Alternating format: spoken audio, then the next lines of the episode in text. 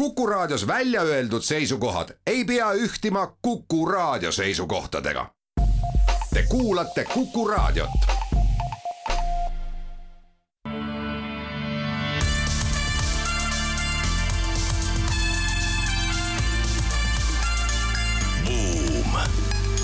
buumile annab hoogu SEB Pank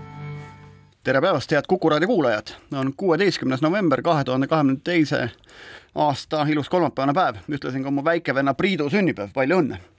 järgmise tunni jooksul läheb eetrisse majandussaade Buum, mis toob kõigi raadiokuulajateni kätte maailma põnevad majandus- ja ettevõtlusuudiseid. saatejuhid on täna Ott Pärna ja Raivo Vare alustuseks räägime värsketest majandusuudistest ja ka mõtetest seoses G kahekümne kohtumisega Palil teise uudisena vaatame, millised ja kuidas äh, erinevad riigid tegelevad enim energiaarvete vähendamise temaatikaga. Ettevõtlusuudistes räägime põgusalt maailma krüptoturgu äh, puudutavast aadrilaskmisest ja samuti ka Hiina startup'ide maailma minemise üllatavatest väljakutsetest, mis tulenevad muuseas geopoliitikast. Samuti suurte koondamiste taustal on äh, tehnoloogiafirmade maailmas jõupendel jälle liikunud töötajate poole pealt tööandjate poolele ja kergema uudise kandidaate meil on siin täna palju olnud, aga me valisime Lonely Planeti, kes on välja tulnud uute reisisoovitustega aastast kaks tuhat kakskümmend kolm ehk tulevaseks aastaks ja ta on asjale lähenenud seekord natuke teisiti saatekülalised on meil täna, või täpsemalt üks saatekülaline täna meil Rail Baltica Estonia juhatuse esimees Anvar Salomets.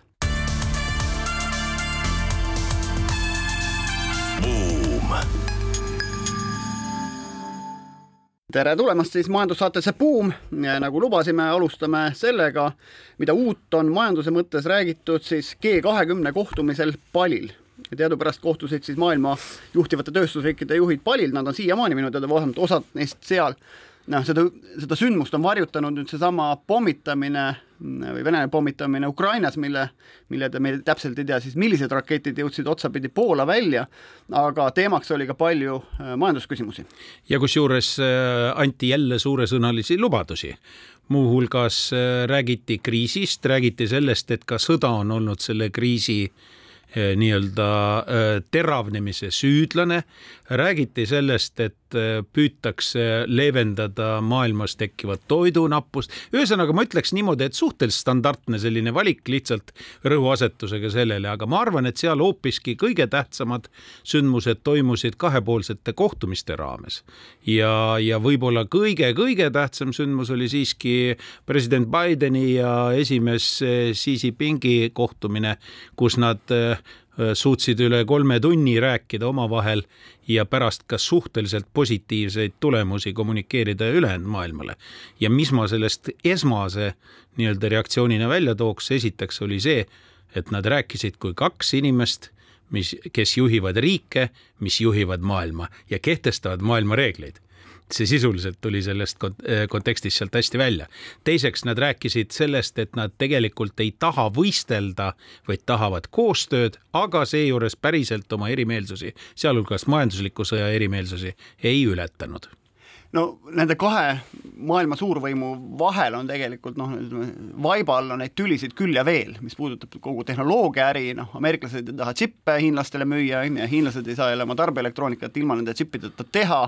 noh, kogu see, kogu see Taiwan'i teema seal et, et nelikümmend protsenti Hiina džippidest tuleb Taiwan'ist, on ju. aga Taiwan on laiem teema, sellepärast et Taiwan on see, mis tekitab tegelikult äh, Taiwaniga seotud sõjaline oht, tekitab tegelikult ettenähtavalt väga suure majandusliku turbulentsi globaalselt ja nüüd, millega sealt välja tuldi, mida täpselt räägiti, ei teata, aga millega välja tuldi, oli see, mida ütles Biden oma avalduses pärast kohtumist. ta ütles, et äh, temale tundub, et äh, Bidenit äh, või tähendab, et Taiwanit siiski seekord lähiajal ei rünnata no CNN pealkirjastas selle asja, et seal loodi nagu groundwork'i siis edasisele koostööle. et tegelikult see, ütleme, allakäik on noh, viimasel ajal ilmselt alguse saanud kaks tuhat seitseteist Donald Trumpi Make America Great Again äh, kiiluvees, eks, ja nüüd on ta sinnamaani käinud, noh, see Vene-Ukraina sõda sinna vahele, Taiwan'i konflikti küsimused ehk siis noh, ilmselt oli vaja korra kokku saada ka, et mingisugunegi nagu põrand paika panna, et siis nagu edasi toimetada, noh. iseenesest kohalikud börsid tõusid, äh, Alibaba, Tencendi aktsiad tõusid tänu sellele, ehk siis et mingi usk nagu justkui turgude mõttes nagu taastus sellele asjale ja samuti, millest räägitakse palju, on noh, lisaks sellele, et on mingid konfliktivaldkonnad on ka tegelikult mingisuguseid ühisosa valdkondi, noh kogu see kliimapoliitikaga seotud asjad, eks, noh üleüldine maailma makrokeskkond, mille, kui see nagu pauk käib, siis on kõigile kahjulik, eks, et, et, et on noh, on teemasid, kogu toiduainetööstus näiteks või selle turvalisus, ilmselt Covidi teema või, või pandeemiatega seotud teemad, et on asju, mis niikuinii tuleb ajada ja mida ajavad need riigid omavahel niikuinii, vaatamata sellele, et siis majanduslikus mõttes on konflikt ja ja poliitilises mõttes samuti. aga muidugi käis ka hedging, mitte isegi nii palju ainult otseselt sellel G kahekümne kohtumisel, vaid sellele eelnenud ASEAN-i kohtumise raames toimusid mitmed äh, läbirääkimised ja tippkohtumised äh, nii Ameerika Ühendriikide tippude kui ka näiteks Saksamaa äh, tippude Scholzi ja Haber ja Habeki näol, mis toimusid nende Aasia riikide, aga mitte Hiina vaid teiste Aasia riikide, näiteks Vietnami või Singapuri äh, juhtidega ja seal räägiti majanduskoostööst ja sisuliselt ka analüütikud ütlevad, et selgelt oli näha see ühine joon, et tuleb asju ajada niimoodi, et Hiinast sõltuvus liiga suureks ei kasvaks ja seda tegelikult Habeck ütles otse välja äh, Singapuri äh, rahvusvahelisel majanduskonverentsil, kus oli ka Scholz kohal. nojah, see Scholzi kohtumine oli ka üsna vastuoluline, et ühelt poolt see, et ta üldse kohtus, on ju, mis oli ka noh, oli poolt ja vastu mõtteid, on ju, ja seal ta ühelt poolt ütles, et Hiinat ei saa justkui nagu kõrvale jätta, samas ütles Saksa töösturitele, et, et palun siis äh, diversi-, diversifitseerige oma siis neid nii-öelda tarneahelaid, et mitte olla liialt sõltuvuses Hiinast. ja äh, lisaks veel viimasena juurde asjaolu, et äh, tegelikult Xi kohtus veel eraldi Macroniga ja Macroniga kohtumisel toetas ta Euroopa strateegilist autonoomiat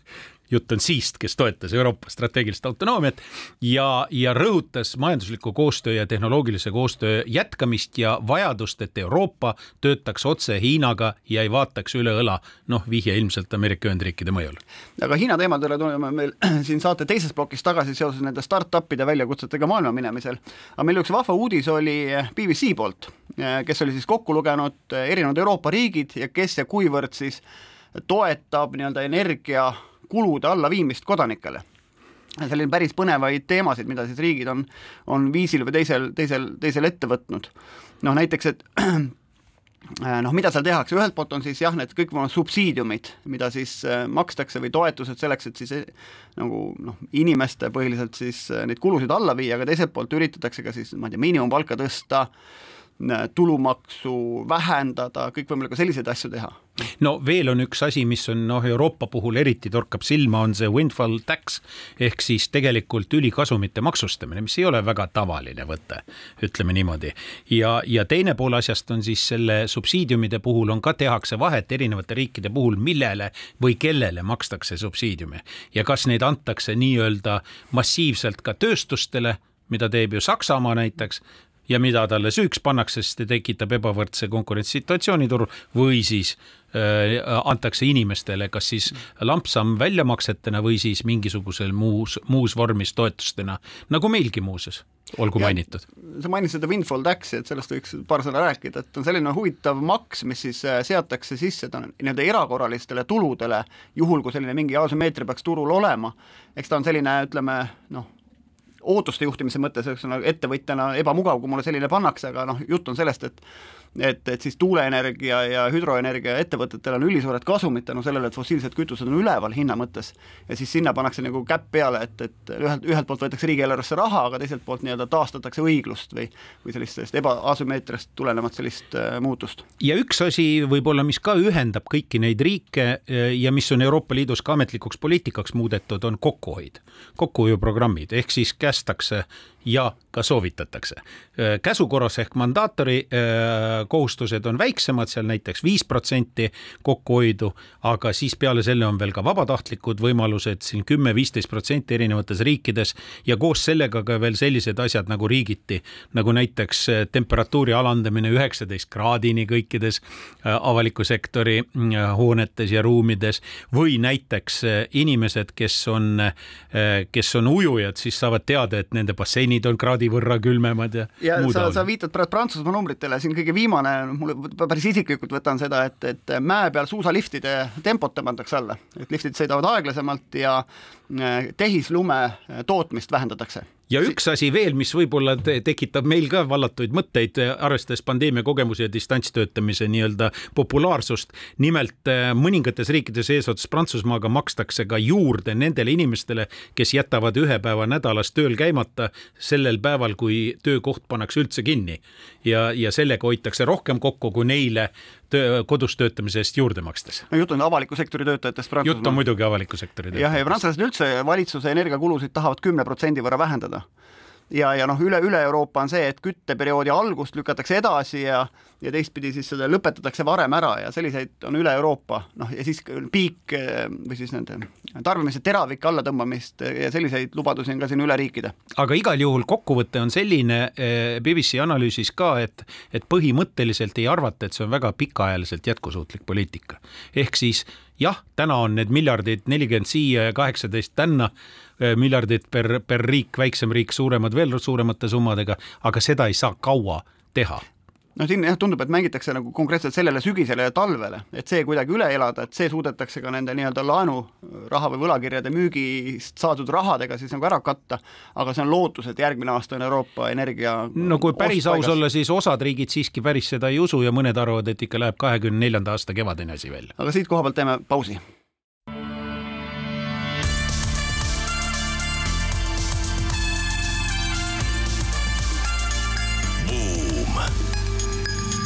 buumile annab hoogu SEB Pank saatejuhid Ott Pärna ja Raivo Vare ja külas on meil äh, Rail Balticu äh, juht, Eesti Rail Balticu juht äh, Anvar Salomets. nüüd me räägime sellest, et maailmas on praegu käimas ma isegi ei oska öelda, mis see õige sõna oleks, et mingisugune krüpto rahasektoris käib mingisugune kriis mitte lihtsalt hinnad ei kuku, vaid kukuvad ka väga suured tegijad. ja praegu on uue nii-öelda raundi, kaasa arvatud ka muuseas, nagu me teame, ka Eestis, aga äh, suure raundi on tekitanud praegu FTX ehk siis üks suuremaid ja edukamaid krüptobörsse, mis tegelikult või kauplemisplatvorme on õigem öelda, mis tegelikult on läinud praegu pankrotti ja on juba ka taotlenud pankrotikaitset. ja kui ta vahepeal süüdistati ja, ja täiesti õigustatult süüdistati selles ka tema konkurenti, kes, kes tegelikult ju teda läks, kuidas nüüd öelda, Binance on selle nimi, läks teda püüdma, jõuga suruma, siis nüüd mingil hetkel pöörduti hoopis Binance'i poole abipalvega, aga siis oli juba hilja ja põhjus on selles, et pangad on tõmmanud, tuleb välja, et pankade finantseerimisel on suur roll selles krüptimaailmas, äh, tõmbasid sealt tagant ära ja nüüd tänaseks on siis äh, pankrot käega katsuda ja hakkab välja tulema, et üle miljardi on võlgu investoritele ja nii edasi, nii edasi, nii et äh, imelugu hakkab läbi saama. jah, see on üks selline kuidas ma ütlen, selline imelugu selles mõttes küll, et ta on mõni aasta vana ettevõte, eks, mida juhib selline tegelane nagu äh, Sam Bankman-Fried, äh, kes on kolmekümneaastane, kes on endine demokraatide kampaaniajuht ja, ja kellel on Washingtonis küll ja veel sõpru. ja kes andis demokraatide valimiskampaania jaoks praegu vahevalimistel nelikümmend kolm miljonit dollarit. jah, no õnneks on see, et FTX-i kukkumine ei mõjuta maailmamajandust niivõrd suurelt, seetõttu et see krüpto osakaal maailma majanduses hetkel on väike, kui me võrdleme eelmise majanduskriisiga siin kaks tuhat kaheksa-üheksa, eks aga põhja ta läks või, või pankrotikaitset ta taotles, noh, investeerinud on sinna kõik maailma ilusad ja vägevad, eks, BlackRock, SoftBank, Sequoia, teised sellised, me teame, et seal on ka Eesti investorite raha sees, et, et ähm, ja, ja see on see, et, et kui on selline ilus asi nagu kroonijuveel, keegi on ägedatest on investeerinud, siis tahavad kõik sinna järele investeerida, et see on selline noh, selline nagu meeltesegaduses investeerimine teinekord. ja, ja noh, nii-öelda tuulde ilmselt need investeeringud kanda tuleb kusjuures tema konkurent Shangpeng Zhao, kes juhib siis seda Binance äh, Holdingsut, äh, tegelikult ütles, et mul oli plaan päästa, kuigi ta enne oli konkurent, tahtis päästa ametlikult, kuid tutvudes due diligence'i käigus sellega, mis avanes, see pilt ei meeldinud ja sellepärast tõmbas ka tema firma välja selle ette, ettepaneku osta üles konkurent. Ja kusjuures muuseas äh, konsolideerimine on üks süüdlasi, kõigele muule lisaks tegelikult äh, seesama äh, firma, õigemini Sam Bankman-Friedi investeerimisfirma selle kõrval ostis kokku erinevaid krüptoplatvorme päästes neid seejuures ka osasid vähemalt päästes neid pankrotist ja tegelikult ilmselt maksis üle. ja nüüd on siis ise samasuguses olukorras, aga keegi ei taha enam osta nii ta on, aga läheme siit edasi võib-olla Hiina startup'ide juurde, kes tuleb välja, on üle nii-öelda maailma minemise kontekstis äh, suure dilemma ees. et, et kui varasemalt oli päris popp, et Hiina juurtega ettevõte läks, tõstis Ameerikast raha ja tegi väikse kontori San Franciscosse või Silicon Valley'sse ja oli, oli tehtud mees, siis täna noh, täpselt sellesama meie esimese teema taustal, eks, et, et ameeriklaste, Ameerika Ühendriikide ja Hiina selline vägikaikavedu tehnoloogiaäris ja poliitikas laiemalt on tegelikult viinud selleni, et, et Hiina juurtega startup idesse ei taheta investeerida. Ja siis on, otsitakse kõikvõimalikke viise, kuidas neid Hiina juuri siis sealt tagant peita. Ja selleks kasutatakse nii juriidilisi trikke kui ka puhast PR-i ja, ja tegelikult on see asi, mis on muutnud järsult äh, maailma suhtumist äh, viimasel ajal. praktiliselt võib öelda, et see geopoliitika on jõudnud ka tehnoloogia valdkonda, mida on arvatud, et see on geopoliitika vaba valdkond ja ja me oleme näinud ka selliseid nähtusi, kus äh, Hiina firmad lausa teadlikult peidavad ennast mingite trikkide abil ja nad tegelikult ka raha tõstmisel peavad sellega arvestama, juba asi on nii kaugele jõudnud. kuigi vanasti peeti just nimelt Hiinaga seost raha tõstmisel soodustav faktoriks, nüüd on ta muutunud mingil määral takistuseks ja selle, selle peale on toimunud ka mingi jaotumine, kus eh, on osa eh, neid rahatõstjaid lähevad nii-öelda võimalikult mittehiinalikuks ja tõstavad raha mujalt ja siis on mingi osa eh, neid, kes lähevad vastupidi, jätkavad oma Hiina liini ja kus on tekkinud VC-d ka, mis toetuvad just nimelt Hiinale ja teevadki Hiinaga seoses, aga need on valdavalt ka Hiina päritolu VC-d jah, no ühelt poolt on näha, et see aadressi väljaviimine väga ei tööta, noh alati võid office'i teha kuhugile ja postkasti panna ja, ja öelda, et ma olen äh, Ameerika ettevõte, eks, aga, aga aga, aga noh, kallim teema on see, et kui sa pead tõesti töötajaid hakkama mujalt palkama ja me teame, et Hiina on ilmselgelt hoidnud ka oma noh, osa sellest Hiina majandusimest on see, et palgad on hoitud tehniliste võtetega tegelikult ka all no,. reaalselt on viiekordne vahe siin no, väidetavasti. just, et see on ka, paneb suure põõna ettevõtete finantsidele, kui sa tõesti pead suurt osa ettevõttest välja hakkama kolima. no siin tehakse noh, väikest viisi rehepappe, siin asutatakse näiteks Singapuris äh, peakontoreid, on ju, siis, siis teatud ettevõtetel puudub üldse peakontor, ütled, me oleme globaalsed ettevõtted, me oleme siin ja seal ja me ei defineerigi, et meil kuskil on see peakontor, eks. aga noh, küll need investorid ka näevad seal taga, eks, et, et kus see ettevõte tegelikult asub ja ilmselgelt USA suuri tehnoloogia invest-, investorid mõjutatakse ka poliitikute poolelt, et mida nad teevad, ehk siis silm on peal sellel asjal, seetõttu me näeme, kuidas nii-öelda võimude lahusus äri ja poliitika vahel ka nii-öelda tehnoloogia startup'ide puhul täna väga hästi ei toimi. Järgmine uudis on ka tehnoloogia valdkonnast, nimelt kuni viimase ajani oli tegelikult see ikkagi tööjõuturg tööjõukesksem oli lähenemine ja, ja, ja ükskõik, kas sa palkasid inimesi koha pealt või üle maailma, ikka sa pidid neile rohkem maksma ja, ja paremaid tingimusi looma. nüüd on siis tekkinud äh, laine, vallandamiste laine. möödunud aastal vallandati äh, äh, tehnoloogiasektorist vähemalt sada tuhat tippspetsialisti. sel aastal praeguse seisuga prognoositakse, et tuleb paar-kolmkümmend tuhat ja järgmise aasta esimeses kvartalis üksi kuni kolmkümmend, nelikümmend tuhat ja tegelikult see pilt on päris selline noh, ütleme niimoodi, et äh, isegi natuke ootamatu, sest selleks ei oldud valmis. no ütleme, majandusteooria ütleb selle kohta, et, äh, et masskoondamiseks loetakse asja siis, kui on enam kui viiskümmend töötajat koondatakse vähem kui kolmekümne päeva jooksul ja need moodustavad enam kui kolmandiku ettevõtete töötajaskonnast. see puudutab ennekõike selliseid väiksemaid firmasid, eks. ja suuremate puhul ükskõik, ükskõik kui palju sul inimesi on, et kui sa vallandad üle või koondad siis üle viiesaja inimese alla kolmekümne päeva jooksul, siis on ka masskoondamisega tegu. ehk siis ilmselgelt masskoondamised on, noh, Amazon siin kümme tuhat inimest, Meta, Facebook üksteist tuhat inimest, kõigi aegade koondamine metas. Twitter kolm tuhat seitsesada inimest, eks ole, ja siin ja tuleb... Pipedrive'is sada nelikümmend kolm. ja Snapchat kakskümmend protsenti töötajatest ehk siis tuhat kolmsada tükki, SoundCloud koondab kakskümmend protsenti, Netflix koondab kaks protsenti kogu oma globaalsest workforce'ist, ohjanud autode rendifirma üks koondab kaks tuhat viissada inimest ja nii edasi. ehk siis ilmselgelt nagu korrigeeritakse oma töötajate arvu versus siis sellele, et millised on ootused maailma siis nii-öelda majanduskasvule, üldse siis aktiviteedile globaalmajanduses, noh, see puudutab suuremaid, eks, aga, aga tõsiselt meie enda see nii-öelda Pipedrive, mis on siis põhimõtteliselt müügijuhtimise tarkvara, eks, et koondab ja, ja noh, ühesõnaga tunne on, et koondatakse nii-öelda tuleviku ähm, toodete arendamise inimesi. Ehk siis oma need nii-öelda rahalehmad, mis täna ikkagi raha majja toovad ja mida kliendid ostavad, neid hoitakse, aga igasugused eksperimentaalsed projektid, neid tõmmatakse koomale. noh, siin me ise teame oma Starshipi konkurente, kes siis ka koondas, on ju, Amazon koondas ju oma selle nende siniste robotite äri, eks et, et ilmselt jah, selliseid eksperimente tõmmatakse kokku ja põhiärisse fokusseeritakse, noh, ilmselt nõuavad seda investorid, ilmselt on keerulisemaks läinud raha tõstmine turult, ehk siis tegelikult raha kas hind on kallinenud või, või seda on keerulisem kätte saada, mistõttu sa pead nagu noh, seda runaway'd peab olema siis olemasoleva rahaga nagu pikemalt ja, ja seetõttu noh, inimesed on ilmselgelt tehnoloogiafirmades kõige kallim vara ja sealt kokku tõmmatakse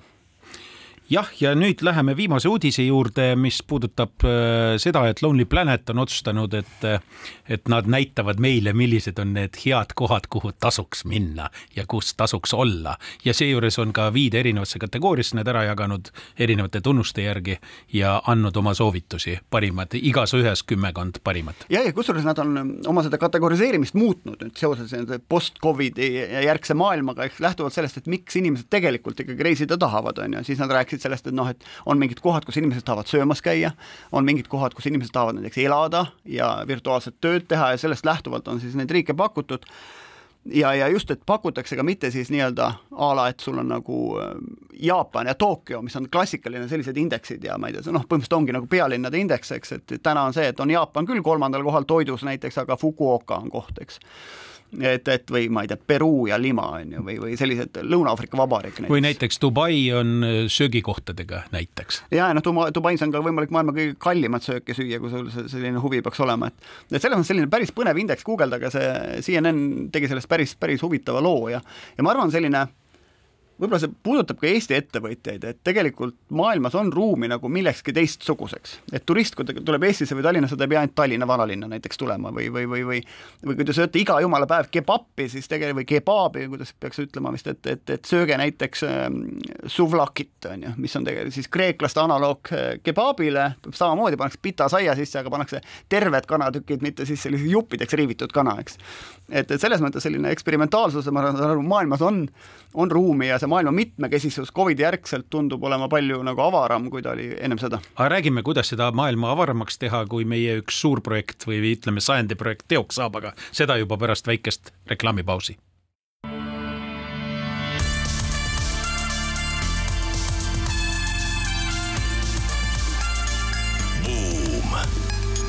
Buumile annab hoogu SEB Pank saatejuhid nagu ikka Ott Pärna ja Raivo Vare ja meie külaline, kes nüüd meile hakkab rääkima, on Anvar Sa-, Salomets, kes juhib tegelikult ühte kõige suuremat Eesti sajandi projekti nimega Rail Baltic. esimene küsimus on kohe selline, et tegu on rahvusvahelise projektiga. kui me nüüd vaatame seda rahvusvahelist tasandit, siis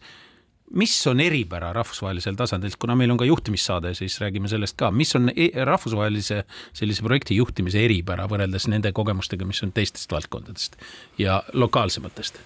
juhtumitest? jah, ma ütlen äh, kõigepealt seda, et võttes need inimesed, kes seda projekti teevad, erinev kultuuriline taust, erinev kogemuslik taust, kõik on oma ala profid, siis äh, hästi selge vahe tuleb sellest, et kas sa, nad profid nüüd nagu koos töötama paned eh, või see nii-öelda teadmus lahustub seal kusagil eh, siis enne ära, kui, kui toode nagu välja tuleb, et et, et see on vast üks, üks esimesi ja suuremaid väljakutseid, et et need oma ala tipptegijad, kes on tulnud Prantsusmaalt, Itaaliast, UK-st, ka, ka siin Baltikumi parimad pead nagu selgelt teeks, teeks ühte asja ja, ja see noh, ütleme siis on õnnestumise üks, üks nagu esimesi aluseid, jah. ja kas see, sa juhid siis Rail Balti Estoniat, eks, mis lõpeb ära siis ma saan aru Läti piiriga, on ju, et, et siis samasugune ettevõte lätlastel ja leedukatel, et kas siis ilma prantslaste ja inglasteta me ei saa neid raudteeotsi kokku või, või kas nemad ongi seda, kes siis motiveerivad ja mõjutavad siis Baltikumi ülest koostööd? Jah, see on selline hea võrdlus, et, et tegelikult ka Eestis, ka Lätis, Leedus on ju, kui me võtame need riiklikud ettevõtted, ka Rail Baltic Estonia töötavad äh, inimesed, kes, kes ei ole eestlased, ei ela, ei ela ka Eestis, et on UK inimesi, on inimesi Poolast. et selles mõttes ka, ka meil endil kirev seltskond nüüd äh, prantslaseid, äh, inglaseid, ütleme, sakslased ongi vaja selleks, et seal on see teadmus tegelikult aastakümnetega juba akumuleeritud tehtud, ehk siis need inimesed piltlikult öeldes aitavad otsad kokku viia, nemad on neid projekte, sellises mastaabis projekte oma varasemas elus teinud, kogu selle tsükli läbi käinud, meie oleme sellised nii-öelda hakkame mehed minema, otsast katsetame. no ma ei tea, Peeter Esimene pani siin raudteed maha Eestis jupp. ei pannud Peeter Esimene, ikka hiljem pandi. ja, ja aga ühesõnaga. Nikolai Esimene isegi ei olnud, oli Aleksander Kolmas. ei no jaa, ühesõnaga meil on sada pluss aastat raudteed ehitatud, et küsimus, et, et ja me, me teame samal ajal, et taanlased ja sakslased ühendavad üksteist, on ju, veealuse tunneliga, eks, et ma ei tea, norrakad võtavad ookeanist või merest maad juurde, et et mis selle raudtee tõmbamisel siis nii keerulist on, et, et kõik maailma nõustajad peavad kokku tulema? Ei olegi midagi keerulist, ma ütleks, keeruliseks läheb siis, kui sa tuledki nagu kohalikule tasandile, on ju, et äh, sul peavad olema noh, inglise keeles äh, local boots on the ground. Äh, kohalikule tasandile tulles, noh, sa näed nagu päriselu ja, ja seda, et kas seda raudteed saab siis sinna panna või ei saa. et puhttehnoloogiliselt võttes, noh, nii-öelda kõik oskavad panna killustiku peale rööpaid ja liipreid, on ju, aga nüüd pane ta kuhugi sellisesse nii-öelda keskkonda, välja kujunenud keskkonda, kus on inimesed, on loodus, on ju. too viimane nagu näiteks Pärnumaa juhtumiga, kus trass jääb seisma, trassiarendus selle taha, et mõni asi ei klapi selle loodusarusaamadega mõningate poolt jah, täpselt nii, et noh, võttes sellesama ülitundliku nii-öelda Lõuna-Pärnumaa, siis noh, kaitsealad nii-öelda on üksteise peal risti-rästi nagu lapitekk, et äh, ongi, ongi keeruline, et mille vahel sa neid valikuid siis teed, et raudteed ennast, nagu öeldud, pole keeruline sinna maha panna, aga nüüd, et kas me sõidame läbi küla või sõidame läbi metsise või või proovime ikkagi kus, kuskilt vahelt minna, et keegi kindlasti nii-öelda riivatud saab. me kindla peale tahame mööda maad minna, me postide peale ei taha minna. no ütleme, et see postide peal metsise jaoks veel hullem variant nii et me tegelikult oleme sunnitud tegelema äh, selliste probleemidega, mis võib-olla mõnes teises riigis ei ole probleemid, sellepärast kipuvadki taristu äh, innovaatorid äh, sellistesse riikidesse, kus taolisi probleeme ei teki, ehk siis loeme asju õige, õigesti, ei ole demokraatiat, asju otsustavad valitsejad, noh, araablased on tüüpiline näide, eks ole, kus kõiki asju saab katsetada, kui kõige tähtsam šeik on sellega nõus, eks ole. nüüd meie niimoodi ei saa, nüüd sellele lisaks on meil veel see probleem, et me peame ühitama ühitama erinevate riikide mängureeglid. ja Rail Balticu puhul on meil kolm erinevat riiki. eestlased, kes tahavad hirmsalt äh, tõmmata ja lükata, lätlased, kes on minu kogemuse järgi tavaliselt sellised noh, on kah, ja, ja leedukad, kes ajavad alati oma asja.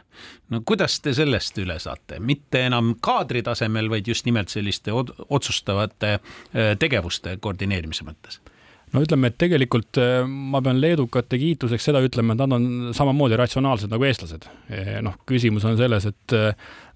et alati on kuskil mingisugune kavalus, on ju, aga enamasti nende puhul on see ka läbi näha, ehk siis, et äh, varjatud, varjatud mingisugust päevakava seal taga ei ole. nüüd, kuidas, kuidas see töö käib või kuidas hakkama saadakse kuna paljuski ikkagi selline ratsionaalne nagu vajadus eh, seda, seda dikteerib, noh siis eh, ma täna ütlen, et nii-öelda põhjast lõunasse minemisel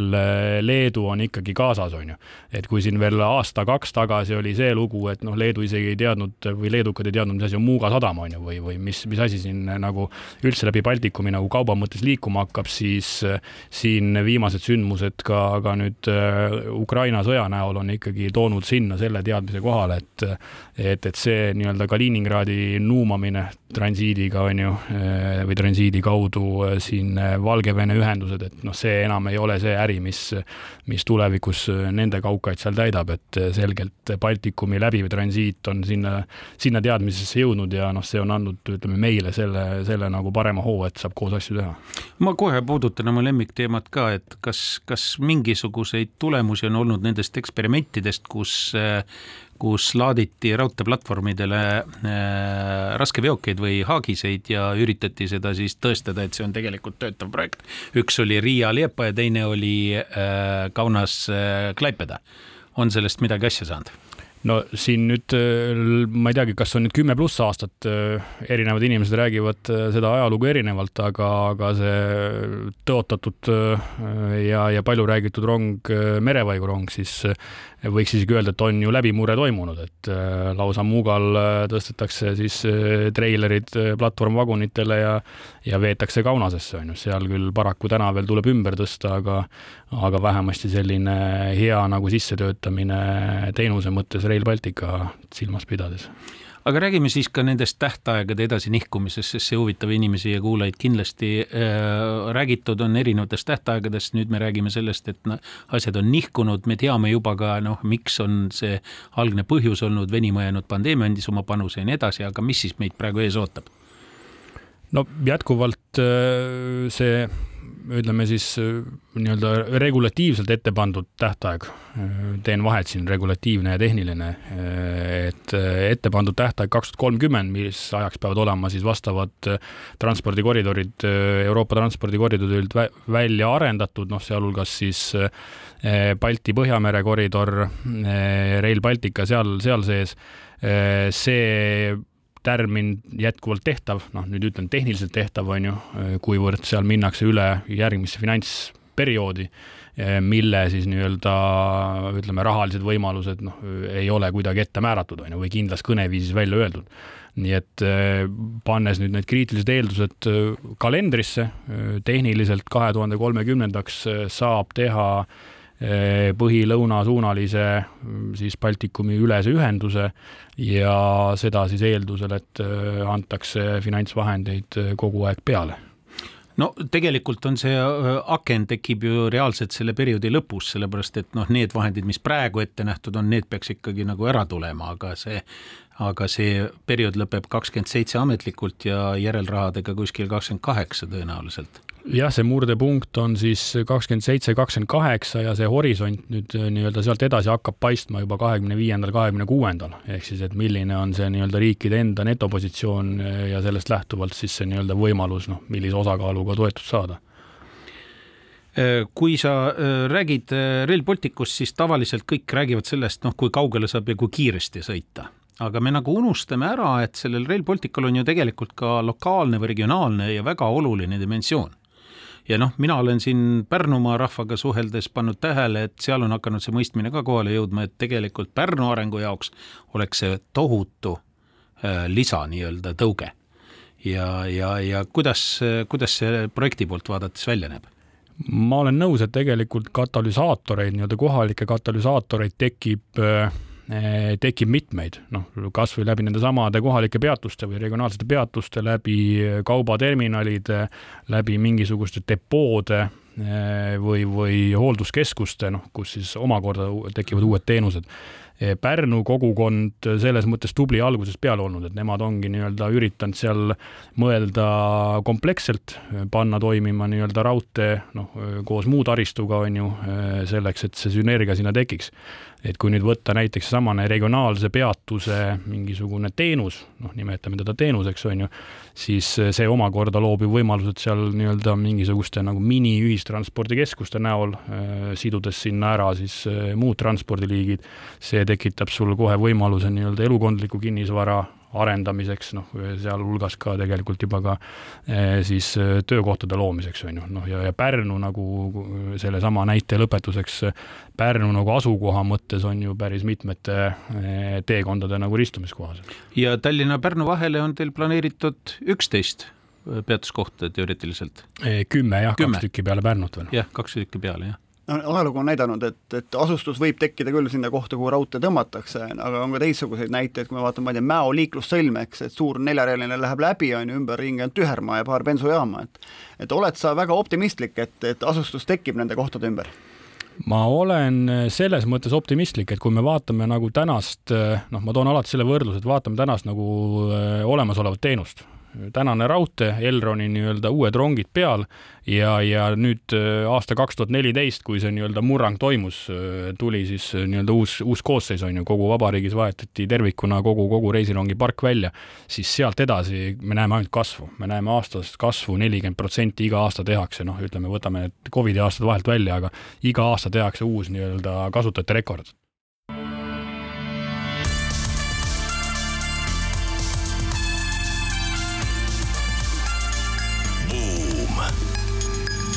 buumile annab hoogu SEB Pank.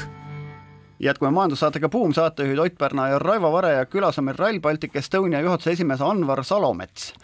no me siin lõpetasime aruteluga, et ei tea, kas mingisugune elutegevus saab ka nende jaamade ümber toimuma, mida siis Rail Baltica raames ehitatakse, teadupärast Tallinnast Pärnuni saab neid vahejaamasid vist kümme tükki olema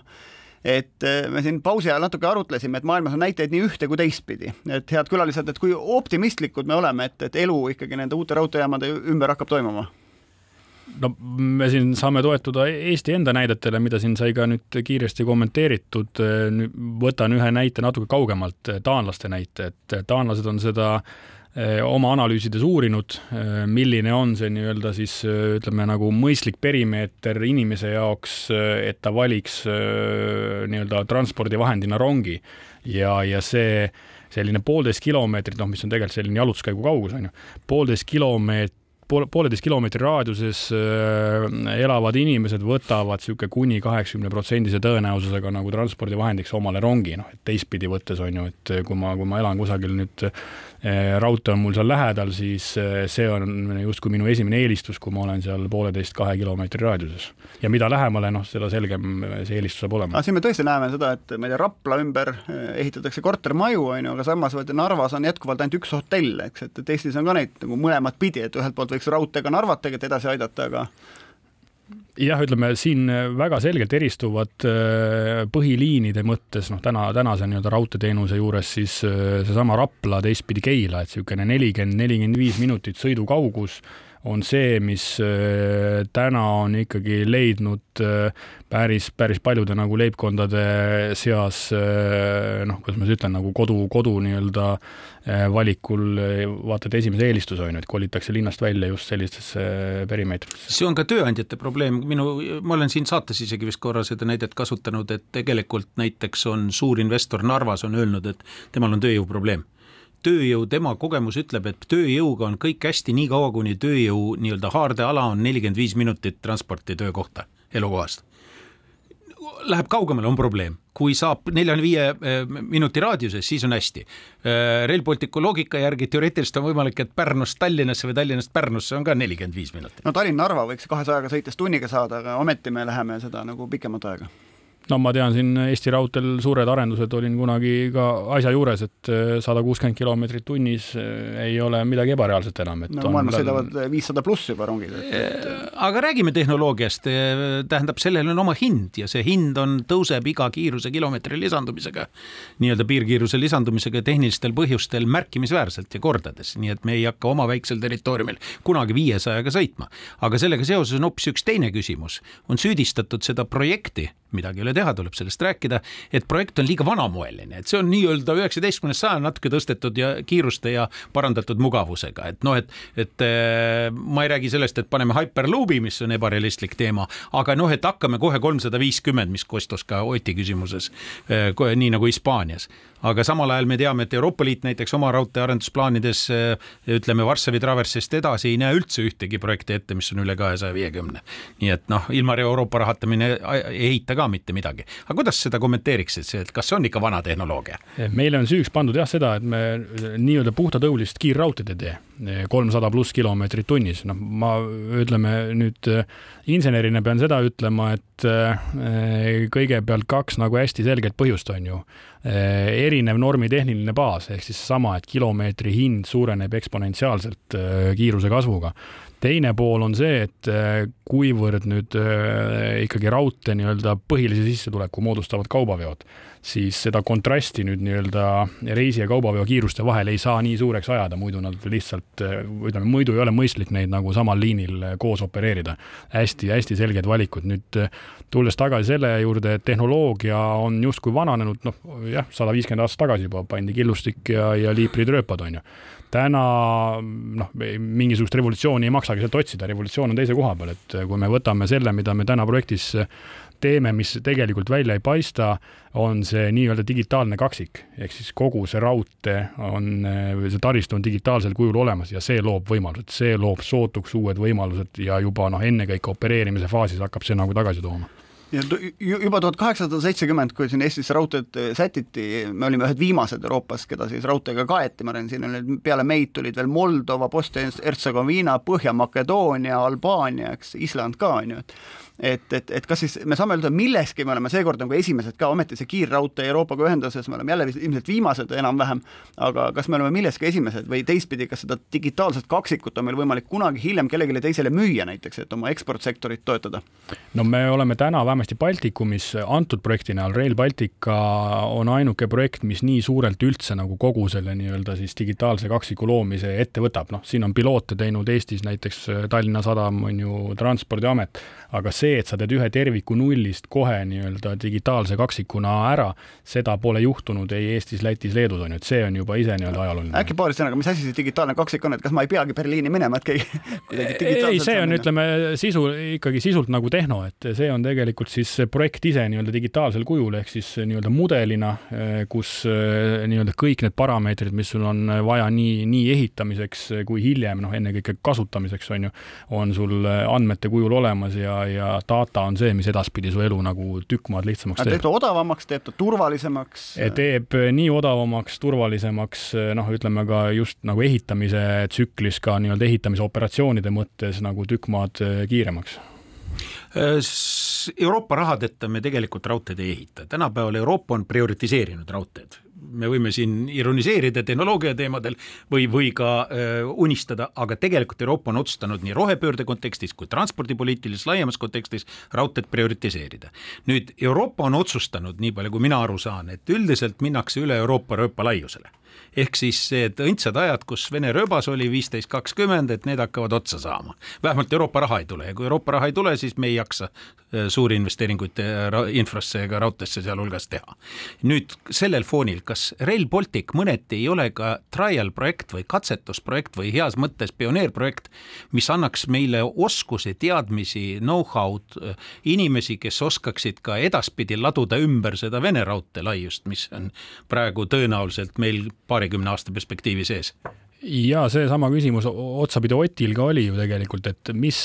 mis on see, mida me hiljem ekspordime, et seda teadmust ekspordimegi, et me täna räägime ise ka turuosalistele, inseneeriabüroodele ütleme, et see on ainukordne võimalus tegelikult oma tooteportfell teha nii palju laiemaks, et sa võid sedasama teadmist müüa kus iganes Euroopa riigis või kas või tulevikus siinsamas, kui on vaja hakata olemasolevat ümber laduma. et, et see tarkus on selgelt eh, see, mis eh, tuleb nagu akumuleerida täna, et eh, tulevikus seda müüa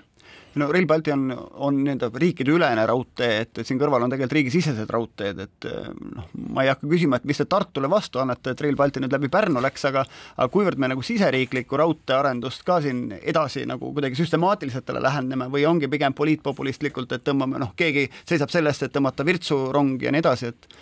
et on, on siin ka näha süstemaatilisemat tegevust? no ma ütleks, et äh, väga süstemaatilist, tulles ise veel sellest nii-öelda vana, vana raudteesüsteemist, siis äh, tegelikult ju on enneolematu investeeringute portfell Eesti Raudteel. me räägime siin äh, liiklusjuhtimissüsteemide uuendamisest, elektrifitseerimisest, kiiruste tõstmisest, et noh, läbi ajaloo nii-öelda kõige suurem investeeringuportfell, noh, ma numbrites praegu võin, võin siin eksida kümnete miljonitega, aga suurusjärk seitse-kaheksasada miljonit eurot järgmise kümne aasta jooksul pannakse olemasolevasse raudteesse ja sellele nüüd, äh, see on koos Euroopa rahadega, eks ole, praeguse seisuga, mis on nii-öelda torus olevad projektid, aga uusi projekte, nagu mina aru saan, enam Euroopa hästi ei taha võtta külge. mis on vana raudtee või selle Vene rööparaiuse omad? üha keerulisemaks läheb tõepoolest see, see nii-öelda õigustehniline pool tegelikult ka minul üllatavalt on, on päris kiiresti äh, ka lahendatud, ehk siis pean silmas sedasama nii-öelda ühtsete raudteevõrgustike ehk siis TNT võrgustike määrust, mis siin äkki augustikuus juba sai omale selle lisa või noh, ütleme lihtsustatult kaardi pealt tõmmati maha Vene-Valgevene ühendused ja kaardi peale joonistati siis äh, Ukraina ühendused äh, nii läbi Lvivi kui läbi Kiievi, Mariupoli ja, ja Odessa sadamatesse aga kas need raudteeinvesteeringud Eestis tulevad, võetakse ka koos äh, mingite infrainvesteeringutega, noh, ma ala nii-öelda, kui järgmine ERM kuhugi ehitatakse, et seal sinna juhuslikult ka raudteepeatus tekib, et sinna inimesed kohale saavad või on jätkuvalt need eri ministeeriumid ja eri, eri, eri teemad? No sisuliselt on ikkagi sama ministeerium, samad, samad inimesed, kes kultuuriministeerium ei tegele raudteega? jah, noh, kultuuriministeerium ei peagi tegelema raudteega, et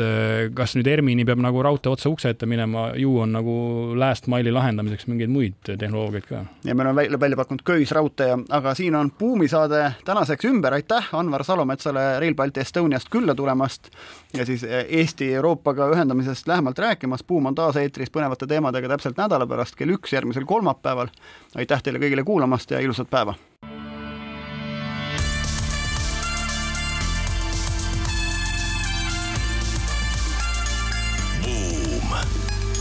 buumile annab hoogu SEB Pank